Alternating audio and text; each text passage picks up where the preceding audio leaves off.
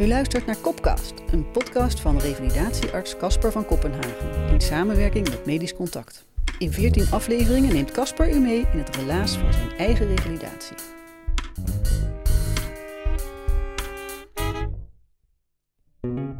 To flow or not to flow? That's the question.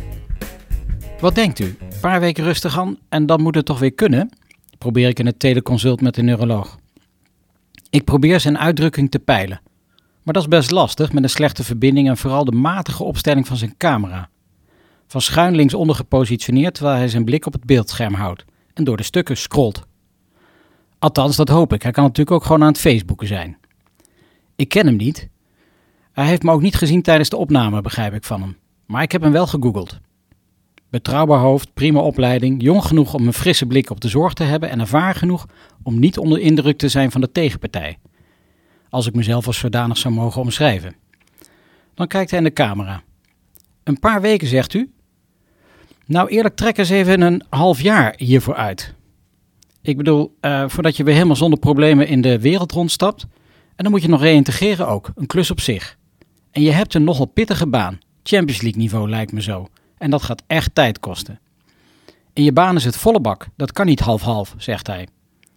Dat klinkt me bekend in de oren, heb ik vaker gehoord de laatste weken. Hoewel ik ook vind dat geen baan en geen mens natuurlijk zo belangrijk is dat hij niet tijdelijk in opbouw kan zijn. Ook premier Rutte zou moeten kunnen reïntegreren, zal ik maar zeggen. Maar goed, van beide heeft u verstand, begreep ik, van de Champions League en van revalideren. Nou, dan moet het gaan lukken, toch? Ik wilde het consult en daarmee onze begeleiding hiermee afsluiten. Het gaat u goed. En weg is hij. Wat zei die nou? Half jaar? Jaar? Poeh. Ik dacht eerst in uren, want dit moest nog en zus stond op de rol en dan kwam dat één er ook nog aan. Maar de realiteit is dat uren al snel dagen worden. Die vervagen in weken die zich vervolgens ophopen tot maanden. De neuroloog heeft natuurlijk een punt. Ik heb het meer gehoord. Wat zeg ik? Ik heb het mezelf zo vaak horen uitspreken naar patiënten. Neem je tijd. En dat is lastig genoeg. Je wilt al snel weer dat alles normaal is, want het is natuurlijk allemaal even belangrijk, belangrijk daar op het werk.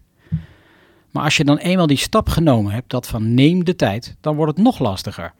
Want dan gaat de omgeving ineens wel sputteren. In het begin is het jouw tijd. En daarna wordt het andermans tijd. Want het werk moet worden opgevangen. Dat lukt in het begin natuurlijk naadloos, maar na eventjes blijven er zaken liggen. Want je was niet voor niks ingehuurd. Zo'n bullshitbaan had je nou ook al niet in de raad van bestuur. Zoals gezegd, uren worden dagen, dagen worden weken en weken worden maanden. En kom dan nog maar eens terug. Terug naar het oude niveau, terug in die flow. Die flow waarin alles lijkt meegezogen te worden in een onstuitbaar tempo en een ontembare daadkracht. Probleempje daar, telefoontje hier, oplossingje zus, crisisje zo, we pakken het er gewoon even bij. En raak je uit die flow? Kom er dan maar eens in terug. Niet te doen eigenlijk, realiseer ik me nu, ik volledig uit die flow ben. Want die flow die voelt als een orkaan als ik er van buiten naar kijk. En daar in het oog van de orkaan is het doodstil en loop ik alleen.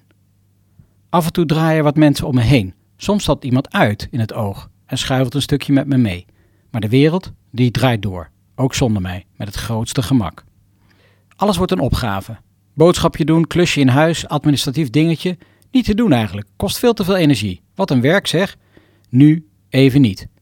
Moet ik dan echt van deze bank afkomen en Netflix afzetten? Ja dus, en wel nu. Want ook nu gelden weer van die aloude wijsheden. Rust, reinheid, regenmaat en bovenal structuur en een dagprogramma hebben. Gewoon doen. Het is net revalideren dat herstellen. Ver weg van die flow, maar in je eigen tempo. Het antwoord had ik gehoord, luid en duidelijk. En ik ga stoppen als medisch bestuurder. Het antwoord horen in een bos is één. Het antwoord vervolgens uitspreken is vers 2 natuurlijk. Maar ik moet de organisatie berichten over mijn besluit. De dagen er naartoe zijn vreselijk. Soms zijn er alleen maar vraagtekens, soms alleen maar uitroeptekens. Maar die punt, die punt die blijft staan. Geen komma te zien en geen velden of wegen. De nachten zijn moeizaam. Hartstikke idee, nog maar even een migraine er tegenaan. Het uur u nadert. Ik lijk wel een rugzak met stenen met me mee te dragen. En ik heb er ook een paar ingeslikt, geloof ik. Daags ervoor heb ik nog een stevige migraine. De dag breng ik grotendeels slapend door. Weer een dag weggegooid. Maar afbellen doen we niet. Het moet eruit. Het is een duidelijk teken, die migraine, mocht ik nog twijfelen. Kotsen, mijn hoofd in een draaimolen, een orgie aan vuurwerk en dan slapen, slapen, slapen, slapen. Opstaan met een warhoofd, duf, somber en pijnlijk. Dit moet tot rust komen. En wel nu. Met lood in de schoenen open ik de deur. De voorzitter van de Raad van Toezicht glimlacht mij tegemoet. Kom verder, kom verder, zeg ik. Ook de vicevoorzitter arriveert.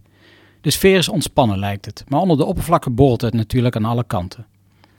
Mijn vrouw breekt zoals altijd het ijs met haar charme, altijd in verbinding. Kopje koffie, stukje taart, rabarber, rabarber, rabarber. En dan moet het eruit. Ik keer niet terug als medisch bestuurder. Uiteraard wordt er niet met deuren gesmeten, noch wordt er stevig gevloekt. Deze zagen ze min of meer al aankomen. Het is dus helemaal niet gek. Was het niet de Raad van Toezicht die kort geleden een kaartje had gestuurd met de tekst: Loslaten in je hoofd is wat je hart al lang besloten heeft? Wat een moedig besluit, Casper. Teleurstellend, dat zeker, maar vooral vervelend dat het allemaal zo gelopen is. Voor de organisatie, maar bovenal voor jou. Het pad houdt hier op. Alles wat hieruit komt is goed, Cas, had mijn vrouw nog gezegd. Maar als dat alles niets blijkt te zijn. En het is niet ineens allemaal goed. Sterker, ik voel me aanvankelijk totaal niet opgelucht. Het is rauw, herken ik. Niet meer, niet minder. Afscheid nemen van een droom. Somber en verdrietig. Geen fijne combi met hersenletsel en migraines. Maar ik weet wat ik te doen heb. Zo is het niets. Stap voor stap voorwaarts. Herpakken, opstaan, de tijd nemen om volledig te herstellen en weer ergens aan de slag te gaan. In welke hoedanigheid dan ook. Dat zal vanzelf blijken. Ik ben en blijf arts, revalidatiearts, ooit sportarts. Daar stroomt de energie, daar borrelt de passie, daar ligt de zingeving voor het oprapen. Dus daar moet ik wezen, dat sowieso. Ik hoef geen hondenkennel te beginnen of een bed and breakfast in Portugal. Het roer hoeft niet om. Help, ik vertrek niet. In diezelfde week krijg ik een video te zien van een oude patiënt van me. Hij geeft samen met een humaan raadsman van het UMC Utrecht al jaren college aan onder andere geneeskundestudenten. En hij heeft zijn laatste college op video opgenomen. Hij komt binnenkort namelijk te overlijden. Jonge kerel, veel te jong natuurlijk. Het leven is onredelijk, dat wisten we al. De humaan raadsman vraagt hem of hij in zijn lange en uitgebreide carrière als patiënt een dokter heeft getroffen die de juiste toon wist te raken.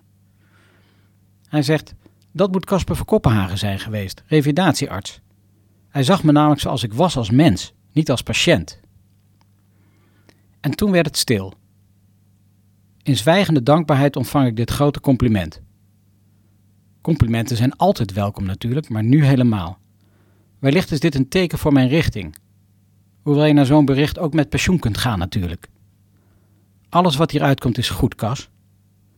Voor een dokter betekent patiëntenzorg veel, zo niet alles. En in ieder geval is het goed. U luisterde naar revalidatiearts Casper van Kopenhagen. In de volgende aflevering van Kopkast. Klopt je route nog? Nee, die klopt niet. Dat is nu wel duidelijk.